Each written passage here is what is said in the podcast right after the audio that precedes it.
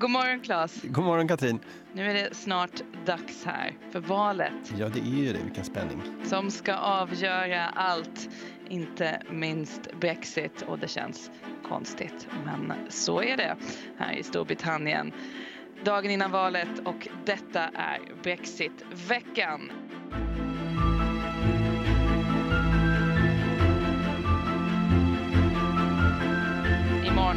Går Storbritannien till val och igår klockan 23 svensk tid kom YouGovs stora, ja, det är väl ingen mätning, uppskattning som visade eh, Ja, det var lite av ett chockresultat, kan man säga det? Ja, men det, det, var ju att eh, det är fortfarande tecken eh, ganska tydliga ändå får man säga att de konservativa kommer ha majoritet i parlamentet efter valet. Men det, storleken på majoriteten minskade ganska påtagligt jämfört med förra modellkörningen. Ja, precis. De konservativa fick 339 av totalt 650 mandat. Och det här är en mätning som tas på väldigt stort allvar här i Storbritannien för att YouGov låg väldigt rätt förra gången. Det här är ett land som det är svårt att mäta opinion i på grund av ja, valkretsar och system och massa andra saker. Eh, och 339 det är en majoritet. 320 är vad man behöver för att kunna hantera det där berömda underhuset. Men alltså ett parlament utan majoritet, ett så kallat hung parliament, ligger inom felmarginalen. Det var lite det som var chocken igår. Ja, och vi, jag ska inte säga att marknaden reagerar med eh, chock, men pundet försvagas. Vi, vi har ju eh, lite svagare än halv procent av sånt pund här som ju kom precis i samband med att siffrorna redovisades då igår kväll. Så att det är helt klart så att eh, det här var en mindre majoritet än förväntat och eh, eftersom det alltid finns osäkerhet så går det inte att utesluta att eh, saker och ting skulle kunna bli annorlunda än man har tänkt sig. Nej, och det är ändå lite märkligt det här valet att uppfattar ändå att väldigt många har antagit och fortsätter anta, inklusive du och jag, tror jag att, att det ändå trots allt nog ändå är Boris Johnson som kommer fortsätta att leda det här landet på fredag. Men, men det har ju alltid varit jämnt. De konservativa behöver vinna nio valkretsar till för, för att få majoritet och Labour behöver vinna tolv för att Jeremy Corbyn ska kunna bli premiärminister och det är ändå inte så mycket. Nej, det är sant.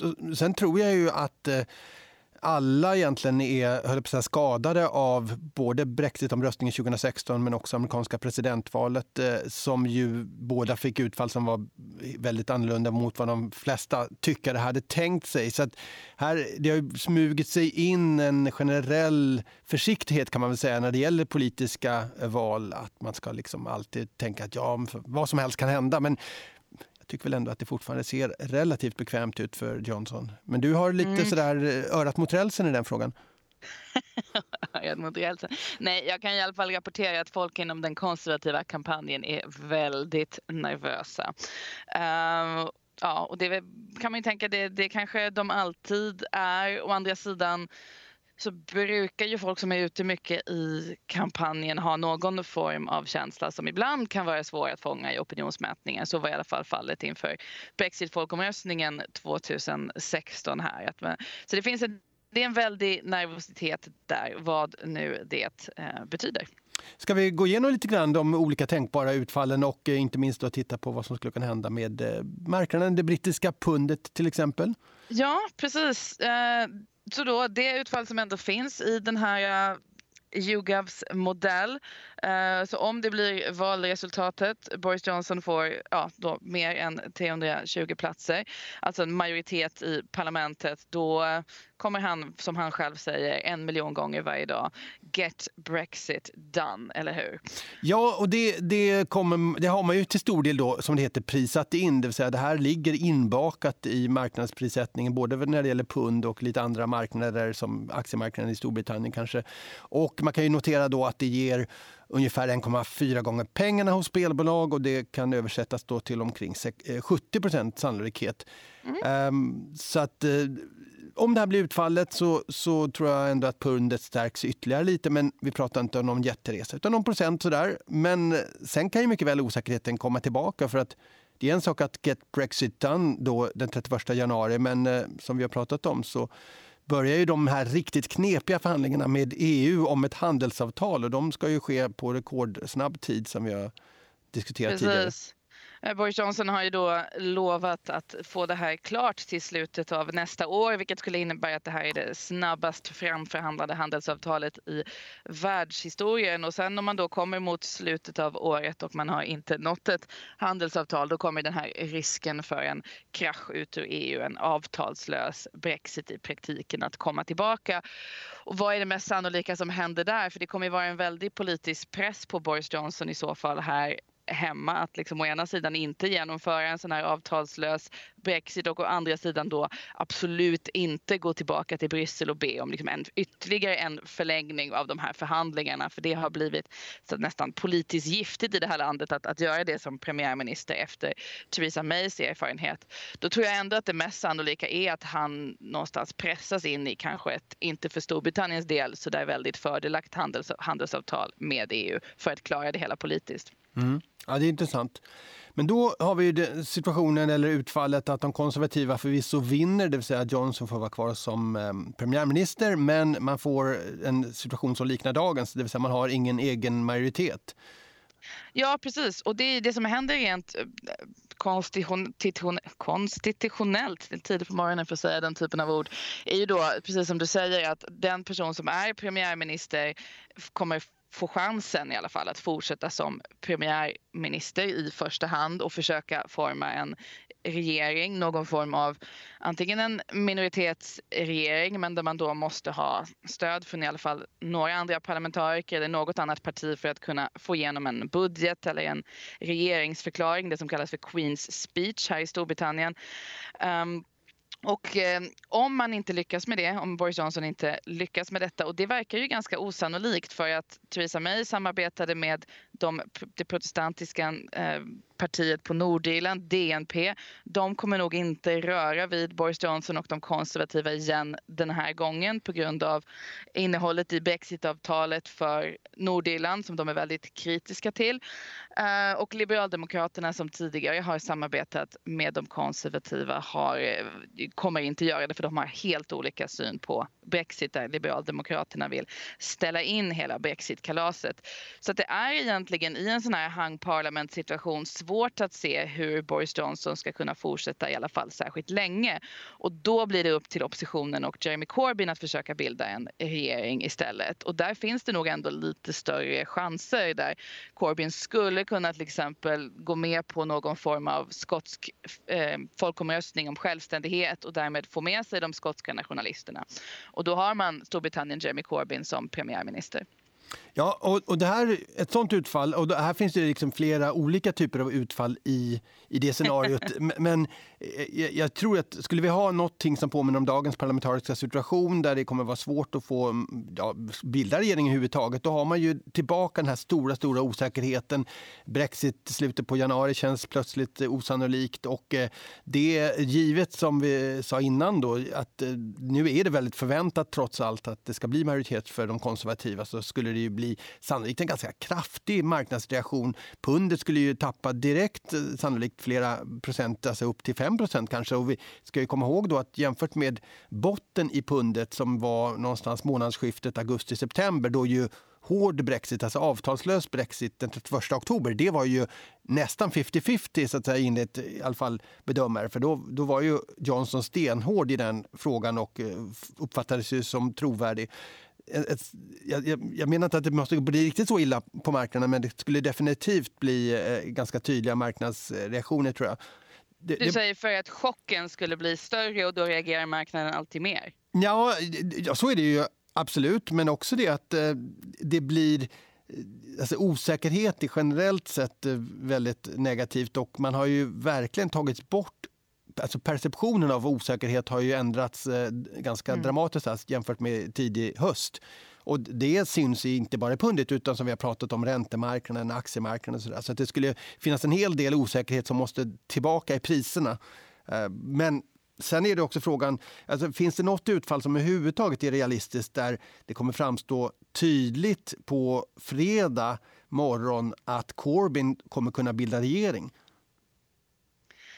Nej, det är väl kanske det minst sannolika. För det här är utfallet som du pratade om nu, det här är hung parliament, mm, stor pundförsvagning, eh, en, eh, os osäkerheten kommer tillbaka. Det, det, resultatet ligger ju inom felmarginalen i den här YouGov-modellen så det, det finns en sån möjlighet för det. Och i det scenariot, det ska vi också tillägga, då blir det nog ingen Brexit i slutet av eh, januari. Och då återkommer ju, för rent tekniskt så då blir det ju i så fall om den här regeringen som kommer få svårt att formas eh, utan en tydlig majoritet i parlamentet den kommer inte kunna få igenom ett brexitavtal och då är liksom det som ligger i korten om inget annat händer, man går till Bryssel och förhandlar detta, då är det faktiskt en avtalslös brexit i slutet av januari som faktiskt ligger där. Det ska man kanske också tillägga. Sen i praktiken tror jag att den formen av situation utan någon tydlig majoritet kommer leda till en ny folkomröstning i Storbritannien om EU-medlemskap eh, någon gång i vår. För då har man försökt lösa den här frågan i ett val, inte lyckats med det eftersom det inte blivit någon tydlig majoritet. Eh, och då, då blir det en folkomröstning och till och med skulle jag kunna tänka mig att Boris Johnson som ju är en man som kan svänga lite vilt mellan sina olika principer då skulle kunna kanske lova en folkomröstning till om Brexit för att kunna hänga sig kvar vid makten på något sätt. Ja, och skulle det vara tydligt eh, alltså väldigt kort efter valresultatet då är, ju det såklart väldigt viktigt för marknaden för att en ny folkomröstning då, då tar man bort osäkerheten kring hård Brexit och då kan man helt plötsligt börja tänka att ja, men de kanske inte lämnar och det är ju väldigt positivt för den brittiska ekonomin och för marknaden. Så att det finns ju det finns ju flera olika typer av utfall här som, som kan innebära ganska diametralt olika resultat för marknaden. Men det är någon slags tillbakagång till höstens osäkerhet där det kan liksom, allt plötsligt kan hända igen. Så skulle man kanske kunna sammanfatta. Initialt borde det bli så i alla fall. Mm, precis, att, den typen av... Nej men att Corbyn står som premiärminister redan fredag den 13 på morgonen, då blir marknaden rädd. Um, nej, det är väl svårt att se utifrån eh, den här modellen och de mätningar som har kommit. Däremot har ju Labour hämtat in eh, väldigt mycket i valrörelsen, uh, verkar det som de senaste två veckorna. Just på att sjukvårdsfrågan har kommit fram och blivit väldigt stor och Brexit har blivit något av en mindre fråga. Mm. Men hur skulle marknaden reagera då på, på Corbyn-regeringen? Ja, alltså, till att börja med då, så på, i den positiva vågskålen så är det ju möjligheten till en ny folkomröstning när det gäller Brexit. I den negativa, och den skulle ju vara ganska rejält negativ tror jag, det handlar ju om den förmodade ganska radikala omläggningen av finanspolitik med nationalisering av av eh, företag som ju trots allt är på Labours agenda Går det att driva igenom i parlamentet? Det kanske är svårt även om Corbyn skulle vara premiärminister men jag tror att den typen av osäkerhet som det skulle skapa om vart Storbritannien som land är på väg ekonomiskt politiskt, det skulle ju vara jobbigt att fundera kring. Det är ju ingenting mm. som ligger idag i förväntansbilden. Nej, precis. Och skulle Jeremy Corbyn på något sätt blir premiärminister i någon form av parlament med osäker eller väldigt liten majoritet eh, så skulle det antagligen vara, behöva vara med stöd av de skotska nationalisterna. Men då skulle man helt plötsligt behöva kalkylera med risken eller chansen eller möjligheten, hur man nu vill se det, för en, en ny skotsk folkomröstning om självständighet eh, inom de närmsta åren i alla fall. Hur ser opinionsläget ut för det just nu egentligen? Gör man några sådana mätningar? Ja, det är väl ganska jämnt fortfarande, eh, tror jag. Den är väldigt påverkad av Brexit, den där frågan. Liksom att, eh, om, alltså, den nya opinionen och nya och starkare opinionen för skotsk självständighet uppe i Skottland har ju att göra med Brexit. Man är ju emot Brexit i Skottland. De vill ju lämna Storbritannien för att kunna vara kvar i EU. Så det är klart att om Corbyn blir premiärminister och Brexit då ställs in i en folkomröstning om Brexit i hela Storbritannien, då kan man ju tänka sig att, att kraven på självständighet uppe i Skottland också minskar. Men just nu så är de på, på frammarsch onekligen, även om många där uppe också kritiserar de skotska nationalisterna för att fokusera alldeles för mycket på det och inte så att säga lösa ganska konkreta problem i den skotska välfärdsstaten. Man har haft problem med sjukvården och så vidare. Så att, eh, nej men det där är, den är svår, svår den frågan. Ja. Eh, men det finns ju andra ekonomiska aspekter i valrörelser och det är ju eh, att de kostar pengar, eller hur?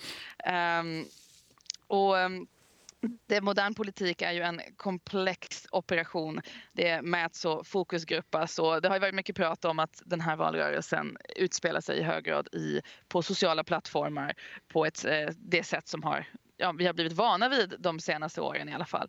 Och där noterade jag en liten intressant detalj att medan Facebook var ju extremt viktigt under, eh, för då Brexit-kampanjen under folkomröstningen 2016 så lägger faktiskt, eh, verkar det som att de konservativa i år lägger mer pengar på Youtube och på, än på Facebook. Det var eh, två gigantiska annonser på Youtube häromdagen som antas, bara de två annonserna antas ha kostat mellan 3 och 4 miljoner svenska kronor uppskattas det. Och det är mer än vad de konservativa har lagt på liksom Facebook totalt den här kampanjen. Och det är lite intressant. Ja, det är intressant. Samtidigt som ju man blir inte direkt, man trillar inte av stolen när man hör de där beloppen. Det är totalt Storbritannien, en hyggligt stor ekonomi. Eh, och om man jämför det här, jag tittade lite grann på hur mycket lägger man i Storbritannien jämfört med USA. Nu är USA sju till åtta gånger större än Storbritannien som land och ekonomi, så man får ju ta hänsyn till det. Men det är ju en rejäl skillnad, kanske inte helt överraskande. Så att i senaste eh, valet 2017 så la man totalt då från alla partier 40 miljoner pund och senaste presidentvalet i USA beräknas ha landat på 6,5 miljarder dollar. Så att även med hänsyn tagen till storlekarna på, ekonomi, eh, på ekonomierna så är det alltså mer än 20 gånger så mycket per capita då som, som USA lägger. Så det är ju eh, trots allt eh, lite lillebrorkänsla över de summorna. Absolut, och de har ju helt andra regler, tack och lov skulle jag säga, för kampanjfinansiering så att det är mindre pengar beroende här. Um, absolut. Nej, men poängen där är ju bara att, att uh, det har varit otroligt mycket prat om Facebook som kampanjverktyg uh, de senaste åren och uh, nu verkar i alla fall för de konservativa Youtube vara ett större fokus och Youtube är ju den plattform där man kan i hög grad nå män och manliga väljare eller manliga konsumenter om man är ett företag. Det är den av de sociala plattformarna som är dominerad av män rent publikmässigt. Så det här kanske säger någonting om Boris Johnsons fokus i kampanjen att det är viktigt att nå manliga väljare och då kanske manliga väljare i traditionella Labour-valkretsar som är för Brexit. För det är någonting som de konservativa satsar stort på i den här kampanjen att så att säga få traditionell arbetarklass att rösta på de konservativa. Eh, så att det är nog Youtube ett tecken på i alla fall. Ja, det är en spännande, spännande förändring jämfört med förra gången. Ja, ska du följa valet då? Absolut, det här blir ju superspännande. Sen eh, när är det egentligen vi har ett resultat på fredag morgon? Rösträkningen brukar sluta någon gång runt två på natten och då brukar det vara tydligt. I, i brittisk politik så är det ju så att eh, det är ju det är ju mer dramatiskt i bemärkelsen att det, det är liksom en premiärminister som går ut och sen är det en annan som kommer in där på morgonen dagen efter och liksom kör och startar regeringsarbetet och allting bara rullar direkt med en ny administration. Det är inte som i Sverige att det finns liksom en ja, tid att förbereda sig och någon slags övergångsperiod eller så är det även i, i, i USA utan man drar igång där på, på fredag morgon med en ny premiärminister. Alla lämnar sina skrivbord och nya tjänstemän och politiska tjänstemän kommer in. Så att i den bemärkelsen är det, är det dramatiskt här. Så att eh, ja, vi får se. Vi är inte tillbaka nästa onsdag utan vi är förstås tillbaka direkt på fredag morgon efter vi har fått det här resultatet. Ja, eller kanske vi sover lite grann i alla fall. Men eh, då får ni i alla fall lyssna här på fredag morgon för den senaste analysen och valresultatet. Det här var Brexitveckan. Jag heter Katrin Marsall. Och jag heter Claes Molén.